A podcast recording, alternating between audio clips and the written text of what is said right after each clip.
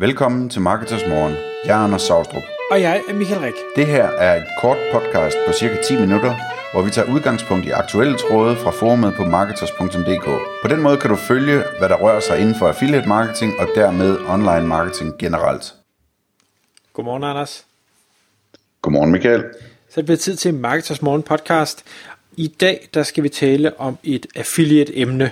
Vi har valgt at kalde det Full Circle Affiliate, og det handler om, hvordan man som affiliate sikrer, at man får flest mulige salg selv, eller hvad man skal sige, at man ikke mister nogen øh, salg, ikke mister nogen kommissioner, som man ellers kunne få.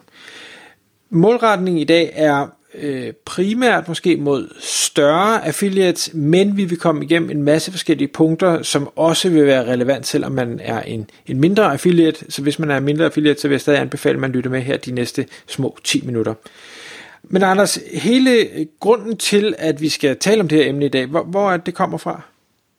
Jamen det kom så egentlig af, at jeg havde et, øh, et møde med en meget, meget stor affiliate, hvor vi talte om det problematiske for den her affiliate i, at øh, nogle programmer de tillader, at rabatkode-sites også må køre affiliate marketing. Øhm, og, og, og så udviklede det sig til en snak om generelt, øh, hvad øh, hvilke steder som øh, han som affiliate ligesom kunne tabe salget, og hvor vi talte om, hvad man egentlig kunne gøre ved det, hvis man sådan gik efter den ultimative løsning. Øhm, og, og, og det her, det er noget, som jeg tror i virkeligheden ikke, der er nogen, der kommer til at gøre det, vi taler om i dag, men jeg tror, at det her tankesæt er interessant, og, man, og det er nok også interessant i hvert fald at gøre nogle af tingene øhm, for affiliate. Øhm, så lad os starte med det her med rabatkoder.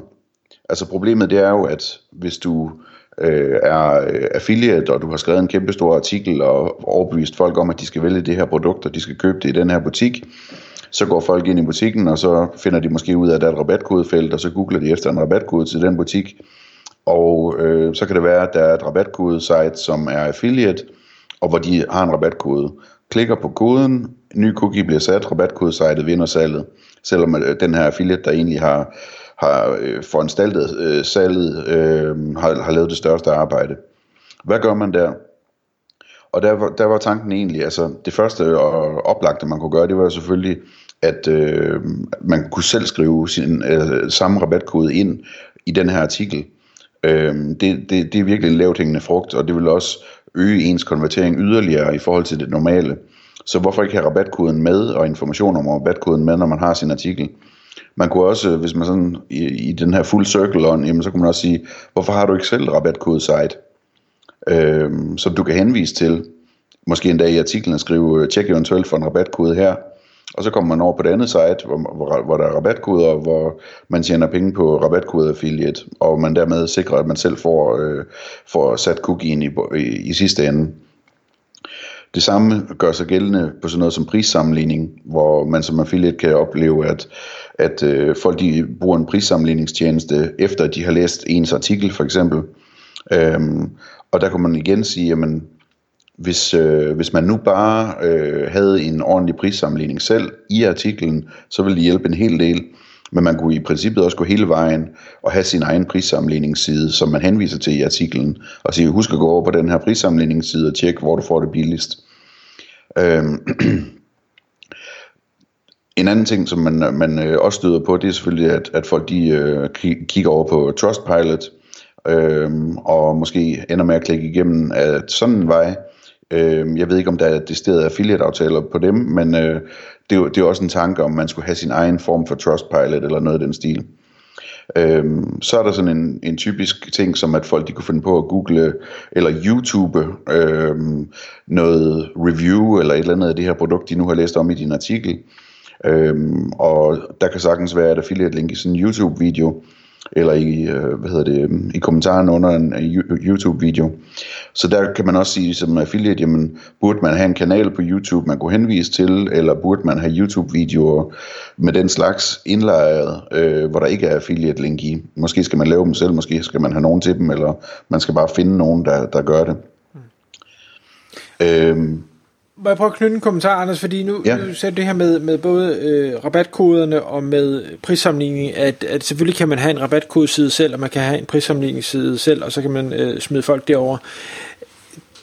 Min tanke ville være, at, at det ville være nok mere fordelagtigt, og, og man vil nok tabe mindre konvertering, hvis man, som du siger, indlejer det på sin side, så man har sin prissammenligningstabel på siden, og man har sin, nu, nu nævnte du en rabatkode, jeg vil sige, for det kan jeg i hvert fald set andre rabatkodesider gøre, at de prøver at liste øh, flere rabatkoder, som måske eller måske ikke virker. Øh, hvor jeg tror, at hvis du kun nævner en rabatkode, så vil jeg nok stadig som forbruger være tilbøjelig til at tænke, ah, men der er nok flere så jeg går lige ud og googler alligevel. Hvor, hvis man har en liste, og siger, der er 5, 6, 7 stykker, der måske, måske ikke virker, giver nogle forskellige procenter osv., jamen så øh, vil jeg nok være mere tilbøjelig til at tænke, okay, det her det må være den fulde liste, jeg gider ikke gå videre ud og lede. Ja, det er rigtigt. Og det, altså, hele det her, hvis, hvis man selv går ud og laver sin egen rabatkodeside eller sin egen prissamling, så er der selvfølgelig en masse arbejde i det. Men, men hvis man er en stor affiliate, så er der også et potentiale for at, at øge sin, øh, sin indtjening, simpelthen ved også, også at have en stor rabatkodeside og også have en stor prissammenligningsside. Prissammenligningssiden, den kan man så også bruge til noget andet, som jeg kommer tilbage til. Øhm, altså, der, man kan også komme ud for, at man, at man øh, ligesom taber salget på, at folk de går hen og, og, og sammenligner ting på sådan nogle tech-spec sammenligningssider. Altså, hvis det nu var en laptop, så kan det være, at de, de tjekker øh, de her performance sammenligninger på notebook review osv. Det kunne man også tænke over, om man kunne indlejre noget af i artiklen, eller gøre et eller andet for i højere grad at sikre, at, at den slags ting er på plads. Øhm, det kunne også være, altså men hvis det nu er en støvsuger, jamen, så er det måske mere relevant at kigge på, hvad, hvad Fink eller Tænk eller hvad de nu hedder, de her forskellige øh, forbrugersammenligningssider, de, de har lavet, og man kan få noget data fra det og bruge det aktivt i sin egen artikel. Øhm, så kommer vi til, øh, til remarketing, som øh, er, et, er et spændende område, jeg bliver ved med at tale om, og jeg begynder efterhånden at få data ind på affiliates, der, der bruger det øh, og også hvor det virker, hvor der er, er positivt afkast på det. Remarketing er rigtig spændende, fordi der kan man ligesom risikere at komme til at, at konkurrere med, øh, med butikken selv, og der er det måske meget rart lige at få folk ind på en side igen, når, øh, når først de har været det en gang, og komme ind og, og hvad hedder det, øh, blive mindet om, at det er her, vi starter. Øhm, og til remarketing, øhm, der, øh, nej, det, det er noget brøl, det er til Google Shopping selvfølgelig. Til remarketing, der, øh, eller med remarketing, der vinder man også øh, det problem, som man taber salg på, som ligger i cross-device. Altså at folk de har læst din artikel på deres mobiltelefon, men de køber over på desktopen, hvor der ikke er sat nogen cookie. Så der, der kan du være heldig at fange dem med remarketing, så de får sat en cookie på desktopen også, inden de køber. Øhm, så er der hele Google, Shopping-området. Og det er den, der hænger sammen med prissammenligning, fordi at for at blive CSS øh, hos Google Shopping, øh, sådan så man kan få lov at, at køre Google Shopping-annoncer, så skal man have en produktsammenligningsside, øh, eller en prissammenligningsside, med mindst 50 annoncører er det vist på. Så, så på den måde så hænger, hænger det fint sammen. Det kunne være interessant også at køre noget, nogle Google Shopping ads for de programmer, hvor det er tilladt, øh, sådan så man undgår, at, at øh, salget det, det kommer ind ad den vej og eventuelt bliver annulleret. Problemet her, Michael, det er jo, at, at øh, der også er nogle programmer, der kører med en ret stram last click opsætning, hvor de siger, at hvis, der kommer, hvis, hvis det sidste klik, der, der kommer inden købet, er fra en anden betalt kanal end affiliate, så øh, får affiliaten ikke sin provision, og det kunne være sådan noget som Google Ads, eller Google Shopping, eller øh, hvad hedder det, øh, øh, en betalt prissammenligningsklik eller noget af den stil. Så, så det, det, det er den problematik, man arbejder med på det punkt der. Mm. Så man, man kan sige, det, det, her, det, jeg kan godt forstå, hvis man sidder derude, øh, specielt som, som mindre affiliate, og tænker, hold op, det her, det er, øh, det er jo avanceret, og det er mange ting, og det kan jeg ikke, jeg har svært nok ved at bare drive den ene side. Men, men det, man skal se det her som, det er jo i bund og grund, hvordan, hvad er det for nogle geværgreb, jeg skal gøre for at sikre, at det er mig, der konverterer denne her kunde til et salg. Øh, og, og man kan sige, det her det er sådan nogle øh, teknikker med, med prissammenligninger og, og rabatkoder og videoguides og, og speksammenligninger og ting og sager. Men i bund og grund så handler det om, at den trafik, du har fået ind på din artikel, skal du øh, gøre så tryg øh, og så overbevist om, at det her det er det helt rigtige for dem, når de klikker på dit link, at de konverterer med det samme.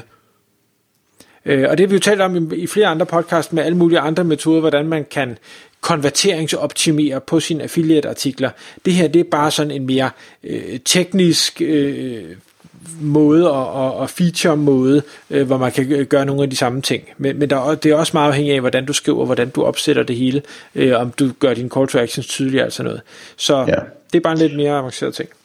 Altså det, er, det er jo, øh, den ene del af, at man gerne vil have dem til at konvertere med det samme, og den anden del af det her, det er, at man gerne vil have, at hvis ikke de konverterer med det samme, at de så ligesom stadigvæk konverterer via din, øh, din side, at, at det bliver dig, de vælger at gå til som det første, inden de laver købet.